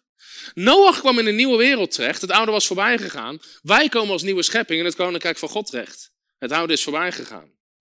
En wat gebeurt er bij Noach op het eind? De duif kon landen. Wat gebeurt er bij ons? De Heilige Geest kan landen in ons leven. Hij vergelijkt het water van de doop met, met Noach. En hij zegt, het is een vraag aan God voor een nieuw geweten. Door de opstanding van Christus Jezus. Je vraagt God om een nieuwe schepping te worden. Al het oude is voorbij. Al die zondige dingen zijn voorbij, want je bent een nieuwe schepping geworden. Dus natuurlijk is geloven is een voorwaarde, want je liet je anders niet dopen. Maar zij zagen een gezonde wedergeboorte als bekering, waterdoop en vervulling met de Heilige Geest. Nou, zijn er nog meer teksten? Ja, die zijn er.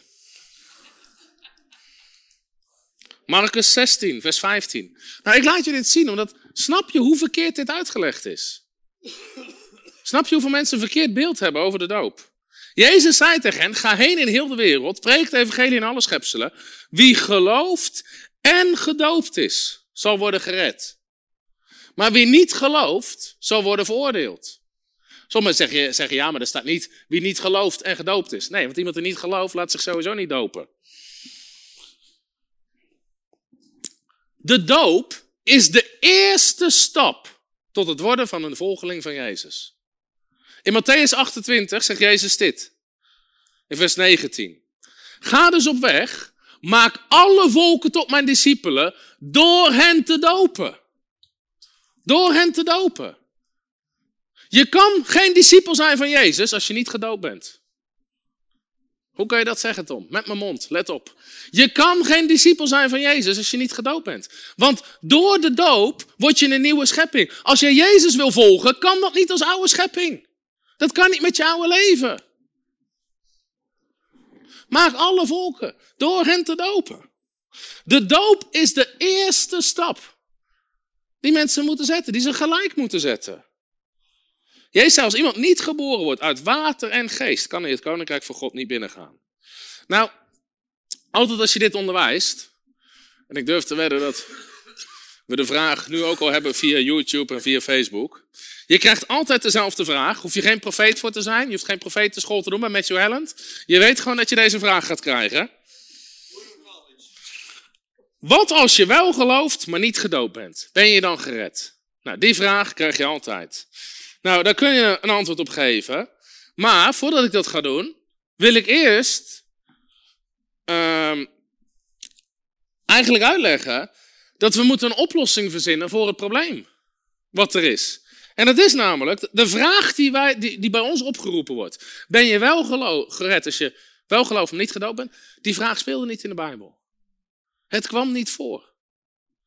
Dus wij zitten met een probleem wat ze toen niet hadden. Dus we zitten ook met een vraag waar ze toen geen antwoord op hoefden te geven. Want die vraag speelde niet. Dus mensen zitten een hele moeilijke antwoorden. Maar voordat we een antwoord gaan formuleren, moeten we terug naar de waarheid. Moeten we het gewoon gaan doen zoals het woord van God zegt. Amen. Dus wat gebeurde er altijd? Op het moment dat mensen tot bekering kwamen, tot geloof kwamen, werden ze altijd dezelfde dag gedoopt. Werden ze dezelfde dag gedoopt. De Bijbel zegt over die 3000 mensen, Handelingen 2 vers 41, zij die het woord aannamen, werden gedoopt. Ongeveer 3000 zielen werden op die dag aan hen toegevoegd. Die dag doopten ze 3000 mensen. Dat was geen doopdienst zoals je bij ons ziet in de evangelische kerk. Waar iedereen eerst de familie uit gaat nodigen. Ja, maar dan kan mijn tante niet. Maakt niet uit, schuiven we toch een week uit. Heb je nog een gedicht? Wil je nog een krantartikel voorlezen? Wil je nog een nummer laten horen? Heb je nog dit? Heb je nog dat? Getuigenis van 10 minuten? Kan je nagaan als je 3000 mensen moet dopen op de manier zoals wij vandaag doen. Ik kan alleen op zondag, want dan kan iedereen erbij zijn. Ja, met iedereen een gedicht en een getuigenis en een lied kunnen we 15 mensen dopen in een dienst. Uh, ja, we hebben 52 zondagen op een jaar. We moeten er 3000 dopen. Uh, ja, nou, we zijn vier jaar aan dopen.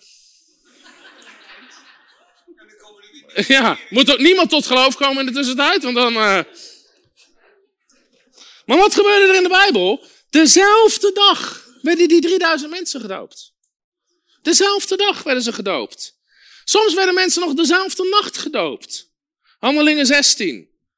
En hij, het gaat over de cipier, nam hen, Paulus en Silas, in dat nachtelijk uur met zich mee. Was hun streamen en werd onmiddellijk gedoopt en al de zijnen. het langste in de Bijbel, wat het duurt voordat iemand gedoopt wordt, is drie dagen. En die kreeg ook nog een correctie, dat het zo lang duurde. Dat was, dat was Paulus zelf door Ananias. Waarom aarzelt u? Sta op, laat u dopen. Er zat drie dagen tussen. Paulus kan ook niks zien, was zo blind als een vink. Hé, hey, wat zit jij nou te wachten? Hij kreeg meteen een correctie. Waarom aarzel je? Onmiddellijk dopen. In Handelingen 10 valt de Heilige Geest op de heidenen. En dan moet je opletten wat Paulus zegt. Of wat Petrus zegt. Kan iemand soms het water weer, zodat deze mensen die even als wij de Heilige Geest ontvangen hebben, niet gedoopt zouden worden? Hij zegt niet. En hij vroeg hen of ze gedoopt wilden worden. En hij beval dat ze gedoopt zouden worden. Jij daar, dopen. Zo ging dat. Was helemaal geen optie. ja, maar ik ben er nog niet klaar voor. Blub, blub, blub, blub, blub, huppakee. het was helemaal geen optie. De doop is geen optie, het is een opdracht. Het, is, het was letterlijk een bevel. Dit zie je keer op keer. De kamerling bij Filippus. Ze rijden langs het water. Hé, hey, daar is water. Wat vindt mij ervan om gedoopt te worden? Filippus zei, met heel je hart gelooft, is het geoorloofd. Ik geloof dat Jezus Christus over God is. Liet de wagen stilhouden, daalde in het water af en ze werden gedoopt. Het gebeurde altijd direct. Handeling 8 vers 12. Toen Filippus hen door zijn verkondiging van het koninkrijk van God in de naam van Jezus Christus tot geloof had gebracht, lieten zij zich dopen, zowel mannen als vrouwen.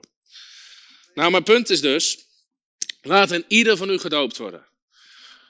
De doop is een eerste stap om een discipel van Jezus te worden. Niet de laatste stap.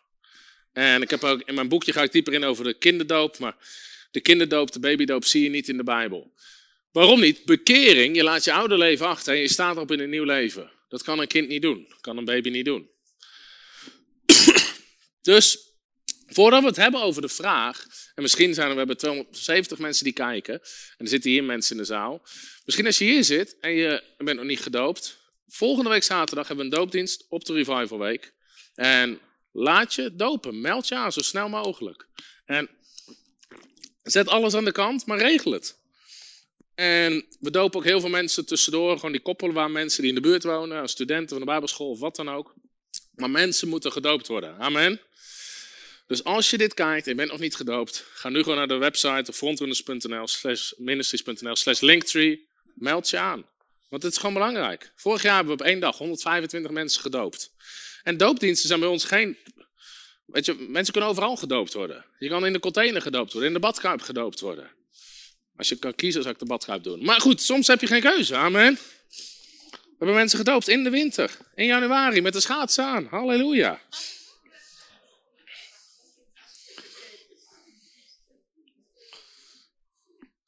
Maar ik ben serieus. Weet je, mensen moeten gewoon zo snel mogelijk gedoopt worden. Dus als je hier zit en bent nog niet gedoopt, meld je aan, laat je dopen. Nou, wat is dus het probleem? Is dat wij hebben zelf een probleem gecreëerd wat ze gewoon niet hadden in handelingen. Dus we zitten ook met een vraag die ze niet hadden. En dus we moeten terug naar het oorspronkelijke plan van God. Gewoon wat we zien in de Bijbel. Mensen komen tot geloof, boem, worden gedoopt. Zo snel mogelijk. Zelfde dag, zo snel mogelijk. Nou, nu zitten we in een tijd, mensen geloven al heel lang, weet je maar zijn nog niet gedoopt. Nou, laat je nu dan zo snel mogelijk dopen. En we moeten gewoon dat probleem oplossen. En Sommige mensen zeggen ja. Weet je, maar de Bijbel zegt gewoon Johannes 3, vers 16. Al zo lief had God de wereld, dat de gaf zijn enige geboren zoon, tot iedereen in hem gelooft. Er staat toch niet en gedoopt is. Nou, twee dingen daarover. Ten eerste, Johannes 3, vers 16 komt na Johannes 3, waar Jezus net tegen Nicodemus heeft gezegd dat je moet geboren worden uit water en geest. is een aantal, een paar versen daarna. Daarnaast, geloven en dopen was, waren twee kanten van dezelfde medaille. dus altijd als het Nieuwe Testament spreekt over mensen, we zijn gered door geloof, was de doop daarbij inbegrepen. Dat kwam niet los van elkaar voor. Dus het sprak altijd gedoopte gelovigen aan. Maar goed, de vraag en het antwoord ben je wel gered als je niet gedoopt bent, moet je mijn boekje lezen, De kracht van de waterdoop. Ja, is goede marketing dit, hè? Uh, nee, boekje is gratis, dus daar hebben we niet zoveel aan. Nee, in mijn boekje ga ik er wel dieper op in, maar ik zal nu een paar dingen erover uitleggen. Ten eerste schrijft de Bijbel dat, bijvoorbeeld in 1 Timotheüs 1 vers 13, mij is barmhartigheid bewezen omdat ik het in onwetendheid heb gedaan, in ongeloof. Nou, God kijkt voorbij, God kijkt naar ons hart. En God kijkt voorbij onwetendheid. Er is genade voor onwetendheid. Als je gewoon bepaalde dingen niet weet, is daar genade voor. Nou, heel veel van dit soort dingen weten mensen niet. Dus daar is genade voor. Ook ik in mijn eigen leven. Ik was tot Jezus gekomen. Ik had zelfs visioen van Jezus gehad bij, me, bij mijn bekering. Keerde me af van mijn oude leven. Maar ik wist eigenlijk helemaal niks over de doop. Pas maanden later liet ik me dopen, omdat ik gewoon niks wist over de doop. Toen leerde ik wat de doop was, liet ik me dopen. Ik weet 100% zeker dat ik daarvoor een kind van God was. Weet je, God alleen, het mooiste zou zijn als het wel in één keer zou gebeuren.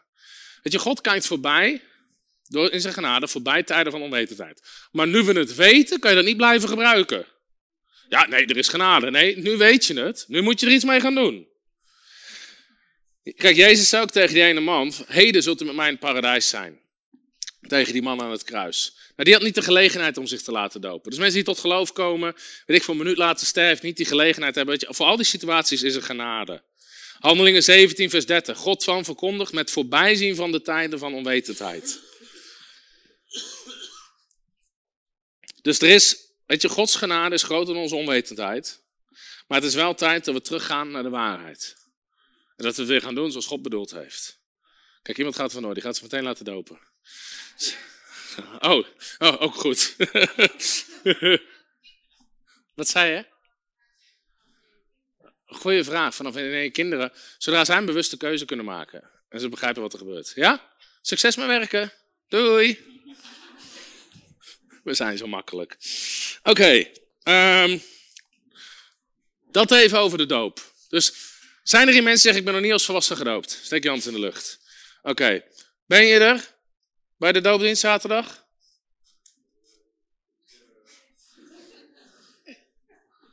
Ja, goed zo. Ja, meld je aan. Iedereen online, duimpje omhoog. Halleluja. Amen. Zo, dat gaat makkelijk. Oké, vervulling met de Heilige Geest. Derde onderdeel. Nou, de vervulling met de Heilige Geest. Handelingen 8, vers 12. Ook de vervulling met de Heilige Geest is een aparte stap. Nogmaals, het is een eenheid. Dus het hoort allemaal tegelijk te gebeuren, maar het gebeurt niet automatisch. Dus het kan hetzelfde moment gebeuren, maar het gebeurt niet automatisch. Handelingen 8, vers 12.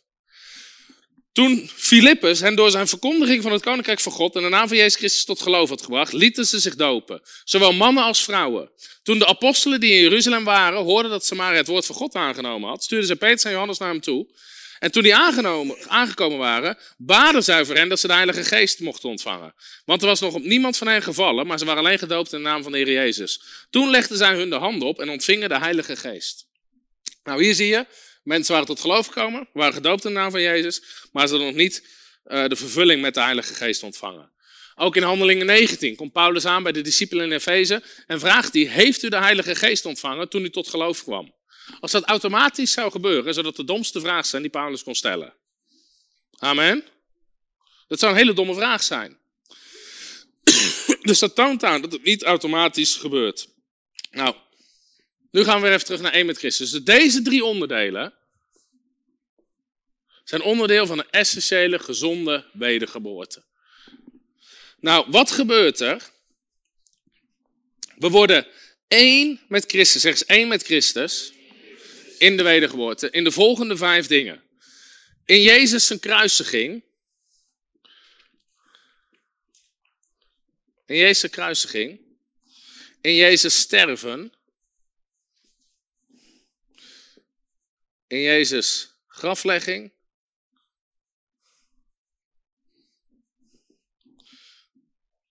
In Jezus opstanding en in Jezus verheerlijking. Hierin word jij één met Christus. In je wedergeboorte.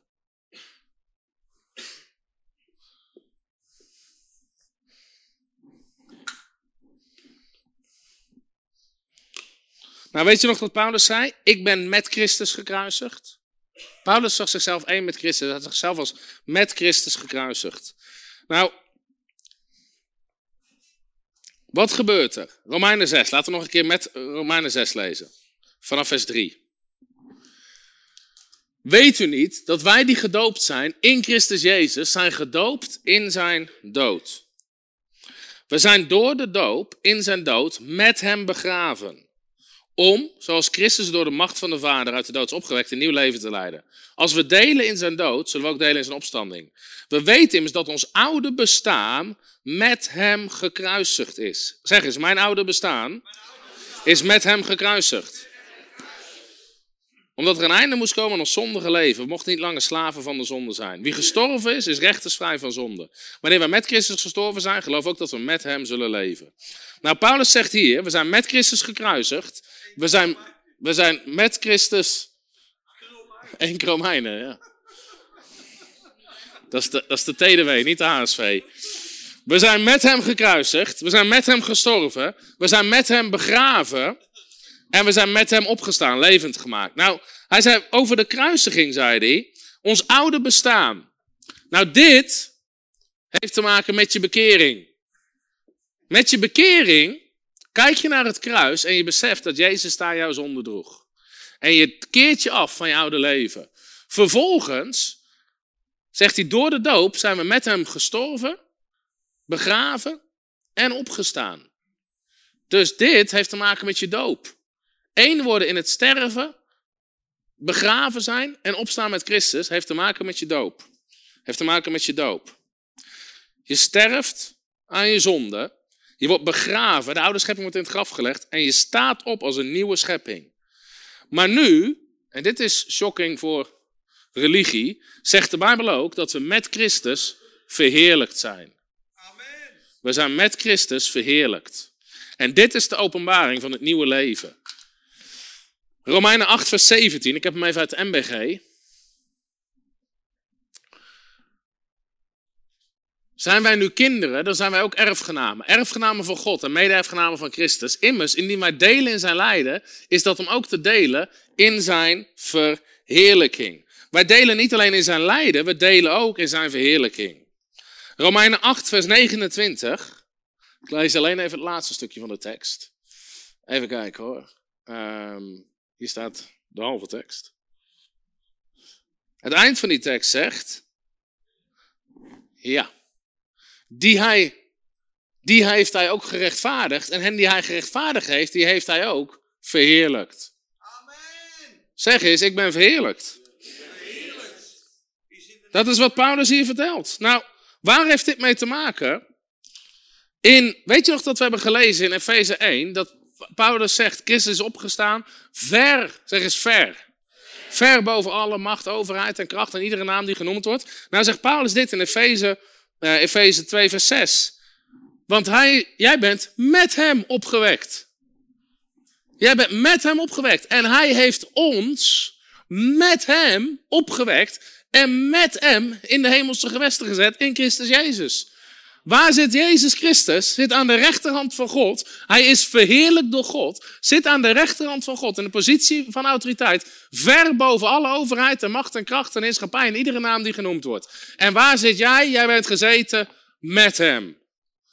Jij bent gezeten met hem. Jij bent met hem opgewekt en met hem in de hemelse gewest gezet. Dus in de geest zit jij ook aan de rechterhand van God. Dat is jouw positie. Jij bent met hem verheerlijkt. Je bent met hem verheerlijkt. Als u met Christus bent opgewekt, zegt de Bijbel in Colossense 3 vers 1. Dus, en daarnaast heb je ook nog eens een keer, halleluja, de Heilige Geest ontvangen. De kracht van Jezus. De vervulling met de Heilige Geest. De Heilige Geest leeft in jou. Vervulling met de Heilige Geest. Nou, ik heb hier nog even een mooi tabelletje om het af te sluiten. De Bijbel zegt, Jezus is gekruisigd. Maar wij zijn door de wedergeboorte in Christus met hem gekruisigd. Hoe? Door onze bekering. We geloven in het offer van Jezus en keren ons af van onze oude levenswandel. Jezus is gestorven, maar de Bijbel zegt, wij zijn met hem gestorven. Hoe? Door de doop zijn we het watergraf ingegaan. We zijn gestorven aan de zonde. We zijn met hem begraven. Door de doop in het watergraf. In andere woorden, ons oude leven hebben we achtergelaten in het watergraf. Ik zie mensen foto's maken. Ik denk dat het van de Beamer is en niet van mij. Maar uh, dit tabelletje staat ook in, de, in, mijn, in mijn boek Supermens. Um, we zijn opgestaan en levend gemaakt. We zijn Jezus opgestaan en levend gemaakt. Wij zijn met hem opgestaan en levend gemaakt. Door de doop, we zijn gelukkig niet in het water achtergebleven. Amen. De meesten hier zien eruit alsof je ook weer omhoog bent gekomen. Halleluja. Door de doop, opgestaan uit het watergraf, we zijn levend gemaakt in een nieuwe schepping. En we zijn met hem verheerlijkt. Door de vervulling met de Heilige Geest. We hebben de kracht van Gods heerlijkheid in ons ontvangen. En we zijn gezeten met hem aan de rechterhand van God. En nu kunnen we regeren in dit leven, zegt de Bijbel. Nou, mijn punt is, dit heeft te maken met de wedergeboorte. Door de wedergeboorte ben je opnieuw geboren en ben je één met Christus. Jij bent één met Christus. Je bent gestorven aan je oude leven. Je oude leven is achterleven in het watergraf. Je bent opgestaan in een nieuw leven en de Heilige Geest van God woont in jou. En alle genade, dus nu maken we weer de link naar genade. Alle genade die er is, is in Christus. Maar je kan niet spreken, daarom is dit het fundament. Je kan geen onderwijs geven over genade zonder dat je het hebt over in Christus. Want alle genade zijn je bewezen in Christus. Maar je kan ook geen onderwijs geven over in Christus zonder dat je het hebt over de wedergeboorte. Want er zijn allerlei mensen die denken dat dingen voor hun gelden. Terwijl als jij geen gezonde wedergeboorte hebt meegemaakt. Als je wel gelooft, maar je bent niet gedoopt. Je hebt je niet bekeerd. Je bent niet vervuld met de Heilige Geest. Heb je die geestelijke zegeningen niet. Dus een gezonde wedergeboorte is het fundament. En heel vaak, als dingen misgaan in mensenleven, heb ik al gezegd, zit het ergens mis in het fundament. Zit het bij het fundament. Weet je, afgelopen week kwam er nog iemand aan me toe op die genezingscampagne. Ja, ik heb iemand mee die gelooft in God en uh, die was genezen van iets anders bij onze campagne eerder. Daar was hij tot geloof gekomen. Nu heeft hij weer genezing nodig, maar hij wil zich niet laten dopen. Nou, heel vaak als, mensen, als dingen misgaan, gaat het in het fundament mis. De doop is helemaal geen optie.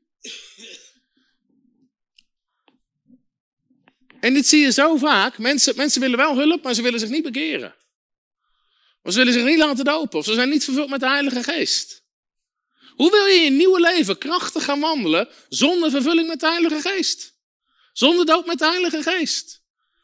En die fundamenten moet je weer preken. Je moet, als je gewoon in een gemiddelde kerk, maakt niet uit wat voor soort kerk, preekt over bekering. Bekeer je van je zonde. Het zal je verbazen hoeveel mensen naar voren komen.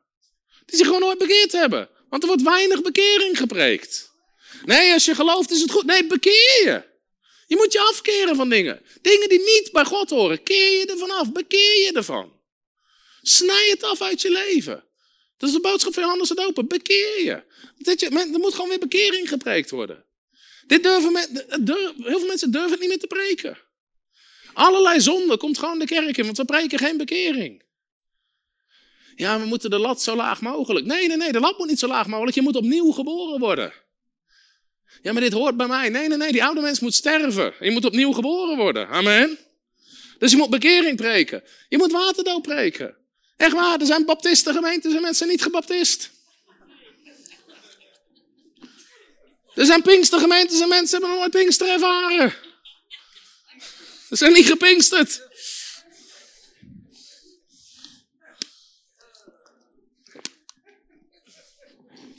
Maar dit is echt hoor, in veel Pinkstergemeentes. Als je vraagt, als je, als je preekt over de doop in de Heilige Geest en spreken in tongentaal, staat 80% van aan. Heeft het niet. Je kan eens goed het woord Pinkster ervan afhalen. Pinkster is dat ze werden allemaal vervuld met de Heilige Geest. Amen. Sommige kerken hebben ook geen Pinkster, die hebben gewoon alleen nog maar een haan op het dak. Weet je waarom dat is? Anders komt er geen kip binnen.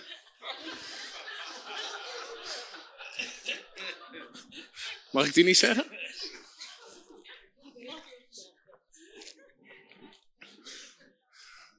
Weet niet wat dat is, de kakelgemeente of zo. Ik weet niet wat het is, maar.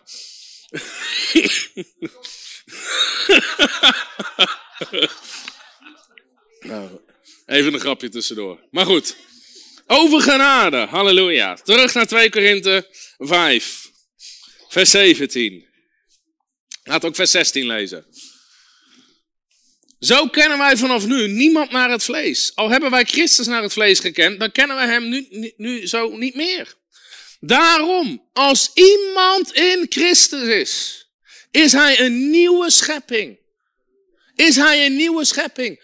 Alles is nieuw geworden. Het oude is voorbij gegaan. Snap je nou die tekst? Als iemand in Christus is, is hij een nieuwe schepping. Die oude schepping was uit Adam. Die was verloren, die was mislukt, was onder zonde, schuld, vloek, allerlei ellende. Maar als iemand in Christus is, als iemand één met Christus is, is hij een nieuwe schepping. Een totaal nieuwe schepping. Het oude is voorbij gegaan. Waarom? Dat is achtergebleven in het watergraf. Daar heb je je van bekeerd. En alles is nieuw geworden. Waarom? Geestelijk heb jij de identiteit van Jezus. En daar gaan we het de komende keren verder over hebben. Alles wat Jezus had, heeft hij aan jou gegeven. Je hebt niet jouw rechtvaardigheid, je hebt zijn rechtvaardigheid. Je hebt niet jouw heiligheid, je hebt zijn heiligheid. Jij hebt de identiteit van Christus. Hallo, Tom de Wol hier en bedankt dat je weer geluisterd hebt naar onze podcast. Ik bid dat het je geloof gebouwd heeft en je bemoedigd bent. Als je niet alleen een luisteraar van onze boodschap wil zijn, maar ook een verspreider daarvan, wil ik je uitnodigen om partner te worden van Frontrunners. Door jouw maandelijkse donatie help je ons om dit evangelie van Jezus Christus en het woord van God over heel de aarde te brengen. Om partner te worden, ga naar www.frontrunnersministries.nl slash partners en word partner. Hartelijk bedankt en tot snel. Heb je ook zo genoten van deze inspirerende boodschap van Tom de Wal? Abonneer je dan op deze podcast. Volg ons op Facebook en op Instagram en kijk op onze website frontrunnersministries.nl.